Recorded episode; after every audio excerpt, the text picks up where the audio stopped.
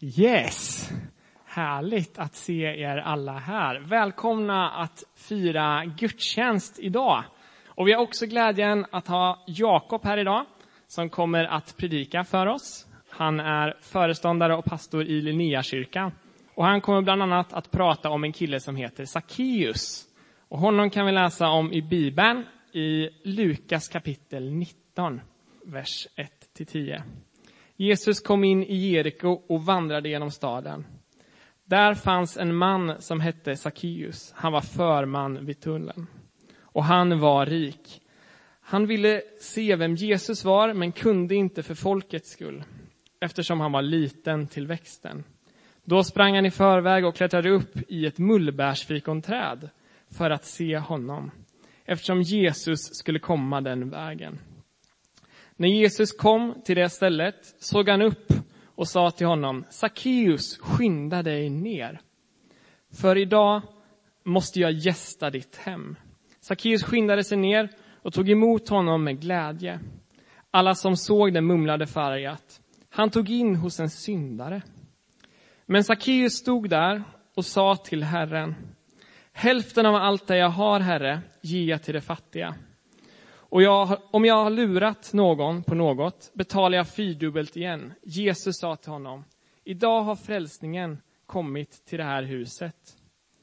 För också han är en Abrahams son. Människosonen har kommit för att söka upp, det, söka upp och frälsa det som var förlorat. Och Albin heter jag som leder gudstjänsten och tillsammans med Anna-Maria så har vi också Marie och Ulrika som kommer att sjunga och leda oss i tillbedjan där vi får upphöja Jesus tillsammans. Upphöj Jesus.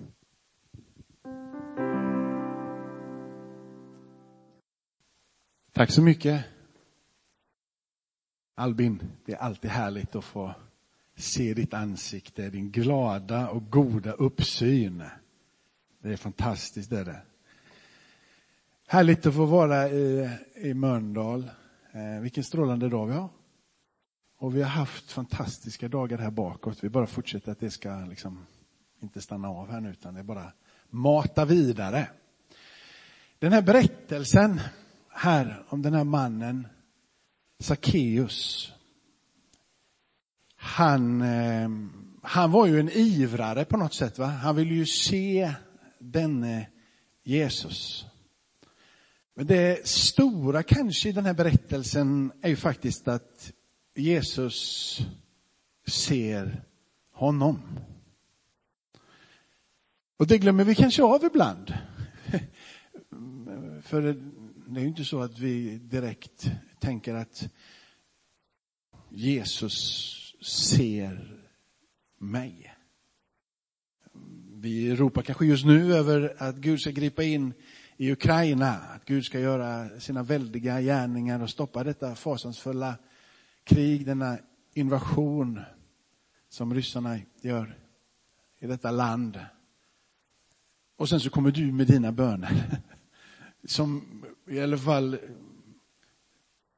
känns väldigt lite med ditt nageltrång eller vad det nu än är som är ditt bekymmer. Det kan ju vara stort också, så jag liksom vill inte förminska det, men ett land som är i krig och sen så ropar vi Gud, se mig.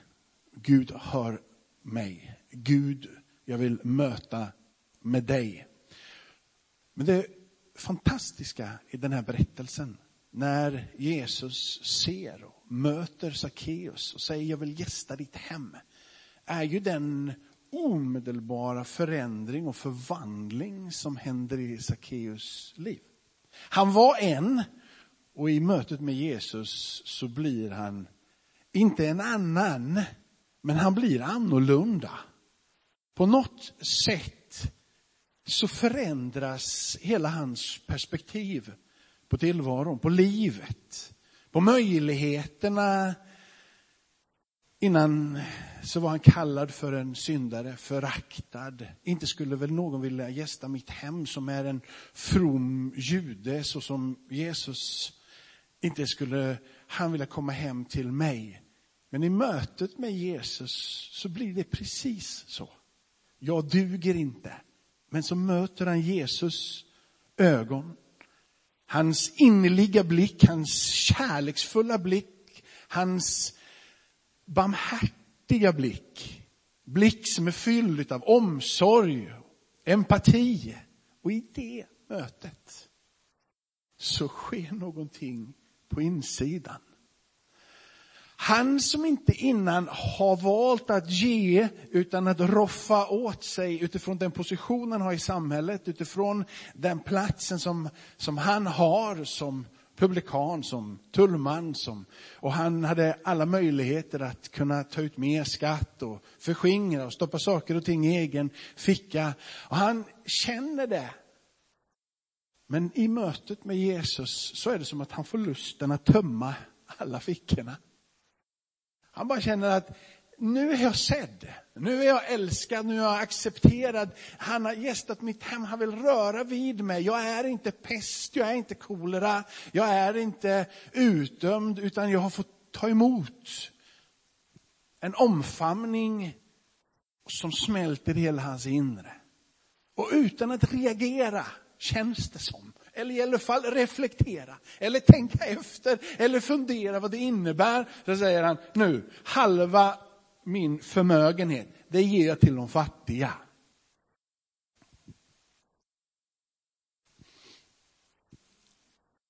Den där Jesus gör skillnad. Jag är anställd av föreningen Linnéhuset och i föreningen Linnéhus finns det olika delar. Vi har Betelskeppet som ligger, eh, nu ligger det på andra sidan i Lårby Gullbergskaj, nu ligger det på, vad heter det, Anders Karlssons gata eller vad det nu än heter, i Frihamnen där borta. Och sen, eh, och sen har vi då Linnégatan 35 och så i det här finns det en församling. Men när, när jag blev anställd där så var det, jag har ju varit pastor innan och jobbat i församling och du vet sådär, men så blev jag anställd av den här föreningen. Och i den här föreningen så står det två saker egentligen i stadgarna som ska egentligen helt enkelt styra våra, våra arbetsuppgifter. Vad är det vi ska göra? Vi ska arbeta med evangelisation och diakonalt arbete. Evangelisation och diakonalt arbete kan vara eh, eh tungt och det kan vara, eh, eh, kännas som att man bär eh, mycket på sina axlar, för vi ska hålla på med diakoni, vi ska hjälpa människor. Men du vet att det där ansvarstagandet eller det där engagemangen, antingen så är det ett ok att bära eller en möjlighet som har blivit given. Att få ständigt att komma tillbaka till de två plattformarna som föreningens stadgar är byggd på, det vill säga evangelisation och diakonalt arbete. Att få komma tillbaka det sätter lite, lite tryck men ger också en oerhörd möjlighet. Det skapar upp ett tänkande att det handlar inte om min kyrka eller min byggnad eller våran båt eller eh, liksom det som är de fysiska sakerna, utan ett perspektiv över det är evangelisation. Ibland kan uppdraget, när man pratar om att vi ska bygga Guds rike, eller vi ska förmedla Guds rike till den här, eller vi ska bygga vår församling, så blir det så många saker som vi ska göra, så nästan ibland blir ingenting gjort. Det blir spretigt ibland. Men om det fick vara en fokus på vi ska vinna människor och vi ska hjälpa människor, så finns det hela tiden en riktning. Och du sätter dig ner och säger, varför har vi den här barnverksamheten? Jo, för att vi ska vinna människor för Jesus. Varför har vi den här second handen där? Jo, för att vi ska vinna människor för Jesus och för att vi ska hjälpa de som finns runt omkring oss. Och så blir det ett fokus på de saker man gör utifrån ganska enkla ben. Det som händer i mötet med Jesus, om man har en längtan efter att få se honom, är häpnadsväckande. Det finns en annan berättelse i kapitel 10 om den barmhärtiga samariten, som om du varit i kyrkan länge och gått i söndagsskola, har hört berättats så många gånger så du kan den utan och innan. Den här äh, mannen som kommer, den här lagmannen, lag, han som kan lagen kommer när Jesus sitter med sina lärjungar och sen så ställer han frågan, hur får jag evigt liv? Det är en stora fråga. Vi fokuserar i den här berättelsen på barmhärtighet, på att hjälpa. Men den stora frågan som denna man kommer med till Jesus är, hur får jag evigt liv. Hur kan jag få ett evigt liv? Det är evangelisation ganska mycket i det, va? Det handlar om att vinna, det handlar om att bli förändrad, bli frälst. Men det landar också, som vi vet ifrån vår söndagsskola, i barmhärtighet, att hjälpa. Prästen som går förbi och gör ingenting åt den här mannen som har blivit slagen och ligger halvdöd, som det står i berättelsen. Leviten som kommer efter och ser och, och gör ingenting. Och så kommer den här samariten, de här som är liksom inte riktiga judar, inte riktigt så bra som vi är. Inte riktigt accepterade, lite, lite på kanten. Och så är det den här personen som tar hand om denna halvdöde, plåstrar om honom och tar honom till värdshuset och han får hjälp. Och så finns det ett ord där nere på slutet i den här berättelsen. Där Jesus säger, gå och gör så här. Gå och gör så här. Mannen har fått möta med Jesus och direktiven sätts direkt fokus. Som när han möter sina lärjungar, följ mig. Jag ska lära er, jag ska visa er hur man lever det här livet. Jag ska hjälpa er att sätta fokus på himmelen, att ni ska lära er hur man umgås och är med Gud. Men ni ska göra också mina handlingar. Ni ska göra det som jag gör. Gå och gör det han gör. Då är du barmhärtig. Och han säger helt enkelt att där finns öppningen för detta nya liv som Jesus presenterar genom sig själv, hans död, hans uppståndelse ifrån de döda, det eviga livet, vägen till Gud genom Jesus Kristus. Om man läser Bibeln ifrån det här perspektivet, eller evangelierna, eh, så är det ganska klart, tycker jag, att detta är vårt uppdrag, att det är vad vi ska göra som församling. Vinna människor och hjälpa människor. Och att Gud bemyndigar oss till det och att han ger oss kraften för det. Att han talar över oss och ger oss detta uppdrag. Gå därför ut och gör alla folk till lärjungar. Gör detta och gör det på mitt sätt. Han lämnar oss aldrig någonsin ensamma i det här uppdraget, utan han har lovat oss att ge oss den heliga ande och den kraften som vi behöver finns tillgänglig för oss. Att vandra tillsammans med Gud här, fyllda med den helige ande, in i ett liv som får bli ett dynamiskt liv, ett Gud, liv där Gud talar, ett liv där du kan få uppleva, där du kan få känna vem Gud är och hur han verkar. När du kommer in i apostlagärningarna, och börja se hur Gud gör. När han låter anden falla och människors hjärtan öppnas när de förkunnar vem Jesus är. Så ähm, finns det, det finns otroligt mycket för oss att lära. Men den största hemligheten är nog egentligen att bara vara tillgänglig. Den här berättelsen som, som du är efter, han som säger att jag har gjort allt. Från mitt perspektiv, när jag läser den, så är det en väldigt bra person. En väldigt härlig person. Han är överlåten lagen, han är överlåten att göra det som är rätt och riktigt. Han har på riktigt kämpat hela vägen. Eh, liksom, jag gör allt, jag har gjort allt. Problemet är att han har gjort allt. Det är det stora problemet för honom. För han har gjort allt och han har gjort det i egen kraft. Han har kämpat så rakt in i kaklet, så han bara, vad kan jag mer göra? Och så tror han att det hänger på hans villighet att göra. När det egentligen handlar om villighet att vilja se Jesus. Villigheten att öppna sitt hjärta. Du och jag som idag, nu då 2000 år senare, ish, har fått möta Jesus och har hela Bibeln framför oss och Paulus undervisning kan lära oss om nåd. Förståelsen om att han har gjort det fullständigt för oss. Och ändå så hamnar vi i den krampaktiga positionen att jag ska göra det.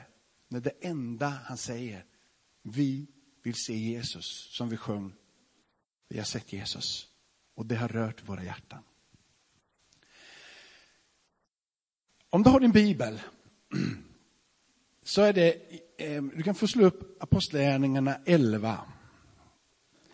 Jag tänker, jag tänker så här att,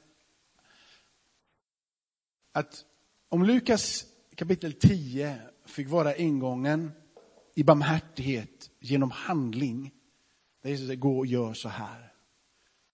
Den är, den, är, den är vettig, den är bra och vi tar emot den och vi vill stå Eh, på den platsen. Lukas 19 som vi, som vi läste här, eller Albin läste, om den får handla om evangelisation. Ehm, det här mötet med Jesus som blir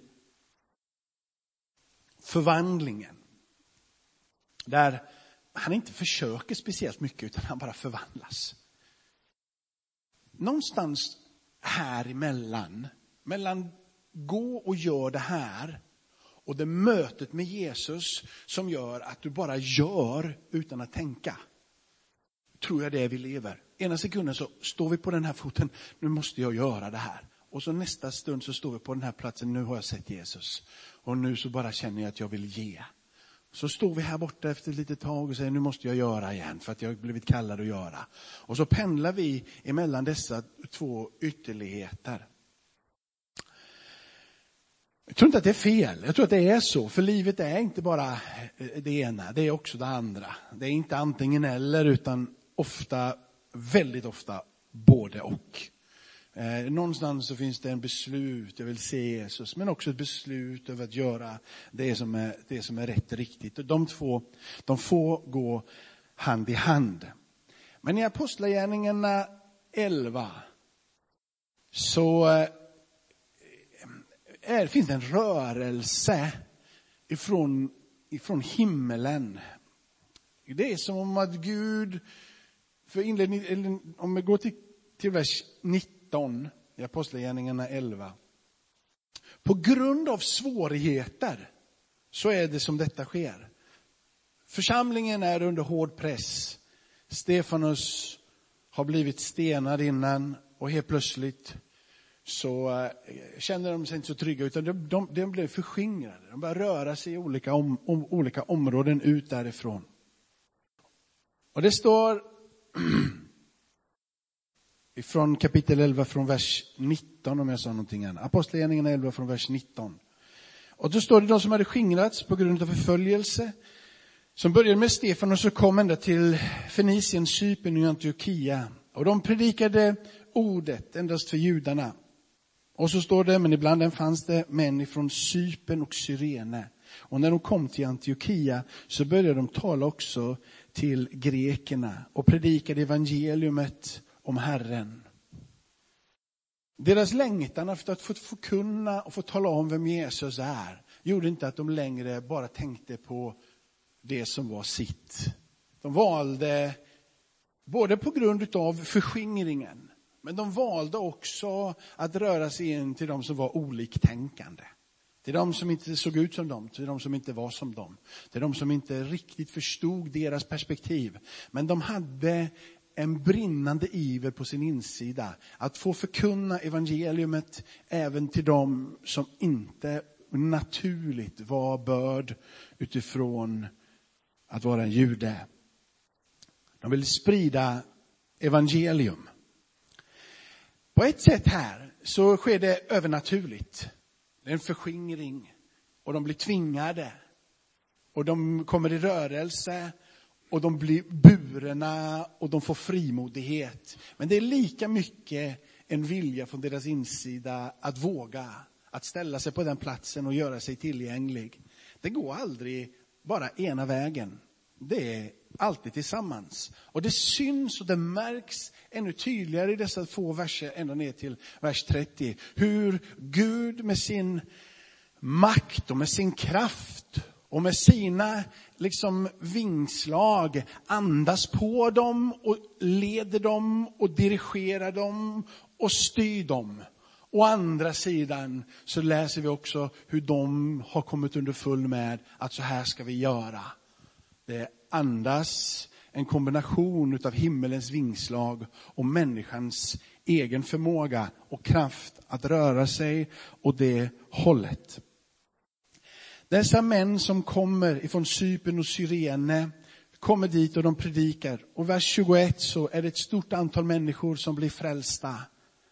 De får ta emot Jesus som Sackeus, så har de blivit sedda. De blir förvandlade. Det som händer här i Antiochia ger ett eko ända in i Jerusalem. Moderförsamlingen, där allting startade. Myllrande livet som finns i Jerusalem. Antiochia är här vid det här tillfället den tredje största staden i det romerska imperiet. Det är en stor stad och allting finns där. Utav varor, utav åsikter, utav nationaliteter, utav hudfärg, utav språk. Det finns en mångfald i den här staden. Där slår Guds ande ner. Där blir Jesus upphöjd och de börjar se vem man är och ryktet når ända till Jerusalem. Jerusalem, församlingen bestämmer att vi skickar upp Barnabas till Antiochia. Och Barnabas sen får vi veta, vad är det som ger han kredibiliteten för att komma dit? Vad är det som ger han mandatet att gå dit? Vilka egenskaper är det som han har som gör att de sänder honom dit? Det skulle vara, ibland känner man bara att det räcker att det stod att han var fylld med kraft. Va? Men det står också att han var en god man, fylld med den heliga ande och tro. Och jag gillar det där kombon, att det var en god man, fylld med den helige ande och med tro. Det innefattar för mig hela perspektivet utav liv. Inte bara den där starka profetiska smörjelsen och härligheten, utan också den goda viljan att göra det som är rätt och riktigt, att vara barmhärtig när det behövs. Men också vara fylld med den heliga ande och med tro för att våga röra sig in på platser som är besvärliga, in i sammanhang där det kanske finns motstånd, in i sammanhang där inte allting är frid och fröjd, utan en tro, en kraft att röra sig vidare.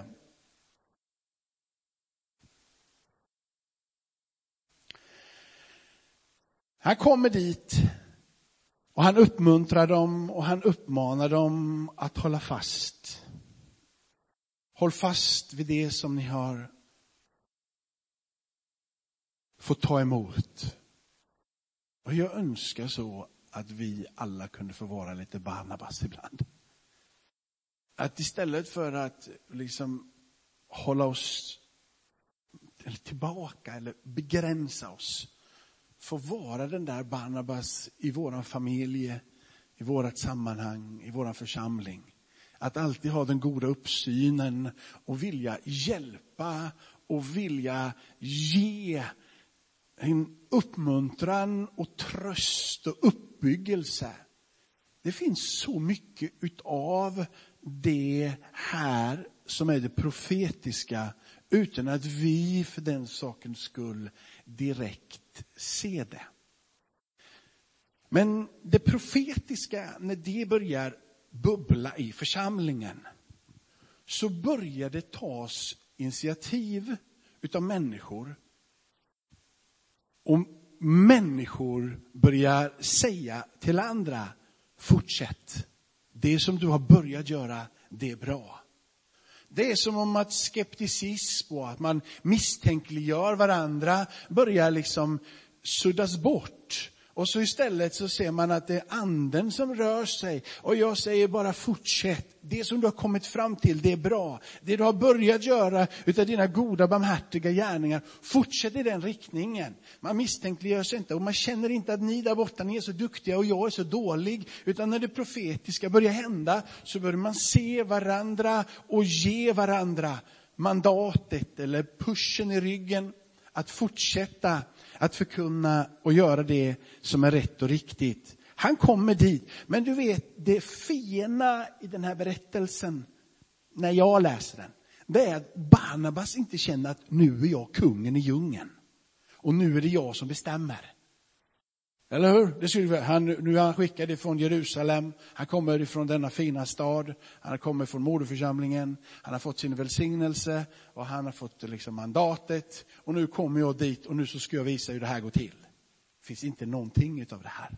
Han kommer dit, han uppmuntrar dem och så säger han, nu börjar det här bli mycket. Jag behöver nog hjälp. Så står det att han drar upp och så frågar han Paulus, Saul kan du komma och hjälpa mig? I Antiochia. Det är en rörelse där. Människor blir frälsta. Nu lägger jag in, det står ju inte riktigt här, men det finns mycket som händer här. Jag vill att du hänger på, så är de där och de förkunnar i ett år tillsammans. Sen så händer det som är oerhört spännande.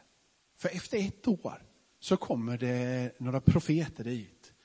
Och Agabus kommer. Och Agabus profeterar om att det kommer komma en svår tid. Hungersnöd kommer komma. Mitt i denna myllrande verksamhet som börjar hända i församlingen här i Antiochia så skiftar det fokus mot dem som börjar få det besvärligt.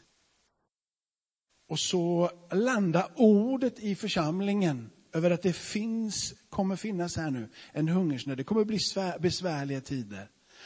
Och så tas det ett beslut i församlingen, ibland de som är samlade och äldste som säger att det ni nu kan undvara, det som ni nu har i överflöd, jag vill att ni samlar ihop de här pengarna och att ni skickar dem ner till de som behöver det här i församlingen i Jerusalem.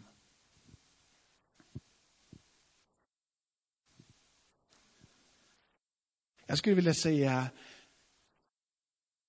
den här texten och många, många fler i apostlagärningarna handlar egentligen om bara en sak. Det är evangelisation och det är vinna världen för Jesus. Det är andetaget. Men mitt i detta så finns det också en finkänslighet för att se den som inte har någonting. Den som inte har mat på bordet. Den som inte har kläder eller den som inte har allting som man behöver för att leva. Gud är med och leder dem och väcker deras uppmärksamhet. Församlingen har bara gjort sig tillgänglig.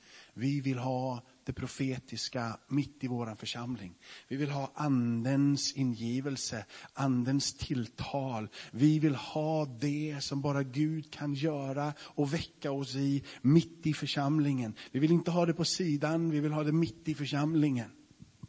Tänker vi ofta så här, om blir det för mycket av det profetiska i församlingen, då blir det bara inåtvänt och då blir det bara de som bara vill komma och ha ett härligt möte som kommer. Icke som Nick, om du ser vad som händer i apostlagärningarna. I apostlagärningarna när det profetiska slår ner så växer en hunger och en iver efter att få dela evangelium och hjälpa den fattige. Den som ingenting har väcks av Gud och den som har väcks av Gud.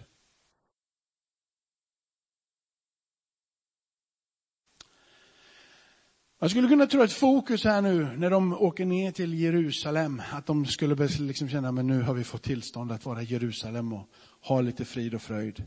Men de drar sig tillbaka till Antiochia och sen har vi historien från början utav Apostlagärningarna 13, där sen Paulus och Barnabas blir utsända för att förvandla världen. Guds ord får framgång.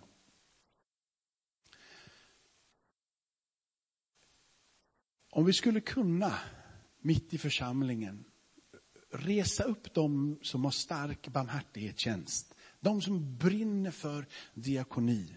Tillsammans med dem som bara vill prata om Jesus och prata om att alla ska bli frälsta. Om vi kunde hålla de där två bollarna i luften samtidigt i församlingen och se att båda dessa behöver ha det profetiska. Båda behöver ha andens närvaro. Det är så som det sker här. Det väcks någonting. Om du bara tar Jesus igen mot Sackeus, så är det mötet med Jesus, den förvandlade blicken, det som händer där och så vill han vara med och ge. Båda behöver få näringen ifrån Guds mötet i församlingen. Båda behöver få näringen ifrån den goda atmosfären i gudstjänsten, bönemötena, i cellgruppen, ute på kyrktorget och alla dagar i veckan när ni möts för en stund för att samtala. Missa inte tillfället att be. Missa inte tillfället att nämna namnet Jesus, att tala om att han är uppstånden. Jag satt här innan här och bara tänkte, hur ska jag predika idag igen liksom? Och jag ska predika eftermiddag med och jag ska predika nästa söndag igen och jag predikade veckan innan. Och så bara tänker man, hur många ord finns det egentligen att säga? Liksom. Eller? Man tröttnar ju på sig själv. Och så satt jag där och tänkte, nej, nu läser jag Kolosserbrevet. Och så satt jag och läste Kolosserbrevet, Sonens rike, hur han har dött och han har tagit oss bort från mörkrets välde, satt, satt oss in i hans rike. Och bara det är det det handlar om. Att Jesus har dött, att han har uppstått ifrån de döda. Jag har ju alla ord i världen om det. Och det är det jag vill komma och förmedla. Och så får jag tändas i bänken över hur viktig Jesus är. Och det behöver du där du är med. Du kan säga, ja men jag kan inte bara säga att Jesus har uppstått ifrån de döda, så det kan du visst. Och när du säger det så kommer du få kraft att gå i det som strömmar ifrån det där tomma korset och tomma graven. Jag lovar dig. Våga nämna de där orden vid namn eller säga de där meningarna. Jesus lever. Han är en verklighet. Du blir kanske lite, lite annorlunda. Men det blev Sackeus också. Om jag vet att du behöver det här. För att om jag behöver det här innan jag, liksom, jag vet att du behöver det. Det är inte fel att ibland säga att anledningen till att jag går till Mölndal Pingstkyrka, det är för att jag tror att Jesus har dött och att han har uppstått. Och det är okej okay att säga det högt med. Och det är okej okay att påminna sig om det. Och när du börjar påminna dig om det, och du börjar tala det och känna, det är ju därför jag gör det här. Jag gör det inte bara för att jag har mina vänner här och för att vi har en fin kyrka och en härlig god gemenskap. Utan jag gör det för att han har dött och han har uppstått. Så börjar kraften och motorn väckas på din insida. Helt plötsligt så sjunger du ända nerifrån tårna, ända upp i huvudet. Jag lovar dig. Jag brukar påminna mig om Linnékyrkan där på Linnégatan 35. För när de byggde den och de andra tidiga baptistkyrkorna här, så står det i deras, liksom, när, när det här hände, och nu har vi äntligen fått en egen plats för gudsdyrkan. En egen plats för tillbedjan. Vi behöver inte längre vara i Folkets park, eller vi behöver inte längre hyra några lokaler. Vi har fått en egen plats för gudsdyrkan. Och så står det högst upp i vår kyrka, ära vare Gud i höjden. Om det är med gamla sånger eller med nya sånger eller med inga sånger, så ska vi ändå dyrka på den platsen. Den är byggd för det. Den här platsen är byggd för Guds dyrkan, ingenting annat. Eller? Nej. Så när vi kommer till den här platsen så bestämmer vi oss innan vi går innanför dörren här att idag så är det gudsdyrkan som gäller. Eller jag tycker inte det är konstigt, jag tycker mer att det är rimligt. Ja, folket sa amen. Då, amen, då tror jag att jag, att jag slutar med det amen, då har jag kommit dit jag ville. Nej, jag bara skojar. Nej, det, hörni, jag är predikant så det finns alltid mer att säga. Ska vi be tillsammans? Jag tackar dig Fader i himmelen för det här huset. Att på den här platsen får en rörelse ifrån himmelen tändas, väckas.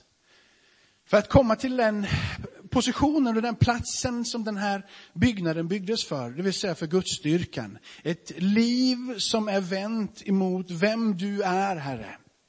Jag ber för mina vänner här i Mölndal Pingst, Herre, att de skulle få känna att vingslagen är där. Att de har luft i sina lungor givna utav dig själv, Herre. Jag ber för goda, barmhärtighetsfulla gärningar på den här platsen, fyllda med den heliga ande. Jag ber om rika, många människors villighet att predika evangelium. Jag ber om många människor som är villiga att tala ut att du har dött, att du har uppstått, Herre. Fyllda med den heliga ande. Jag ber Herre att den här församlingen skulle få andas utav det profetiska. Det skulle få bubbla utav tilltal, utav eh, längtan, utav förnyelse, utav iver mitt på den här platsen, Herre. Hjälp dem att se framåt. Hjälp dem att se möjligheterna. Hjälp dem att se att tillsammans med dig så är allting möjligt, Herre. Människor kan bli frälsta, förvandlade. Dopgraven får öppnas, människor blir döpta. Handpåläggning och fyllda med den heliga ande. Tungomålstalet ljuder, Herre. Profetiska syner, Herre. Tackar dig för ditt liv som får myllra på den här platsen. Till din ära. Amen. Eh, innan vi ska, det finns möjlighet att skriva ner sin bön och tända ljus här och vi, vi måste också be för Ukraina och jag ska göra det också här innan, innan jag lämnar från mig mikrofonen här. Men, men det möjlighet finns där, förebedjare kommer vara där också. Men jag skulle vilja dela en liten bild som en kvinna som är i 28-årsåldern kom fram förra söndagen till mig och sa. Hon sa så här att, vet du Jakob, jag älskar popcorn, sa hon. Och nu, då känner jag ju så här, nu blir det konstigt. För jag, du vet att, när, man vet aldrig vad det tar vägen när någon, när någon säger att de gillar popcorn och har fått ett profetiskt tilltal. Då kände jag, nu, nu, får, man, nu får jag hålla i hatten här och, och liksom sådär. Och så kommer hon så säger hon att, du, jag gillar popcorn. Och Gud har talat till mig genom ett popcorn. Och då kände jag, nu du, nu hoppas det här blir bra. Liksom. Och så sa hon, popcorn har ju en karaktär innan det har poppat som inte är speciellt likt det där poppade. Det där kornet som är där är stenhårt. Men det innehåller en karaktär så när värme kommer på det så blir det som på ytan helt omöjligt möjligt.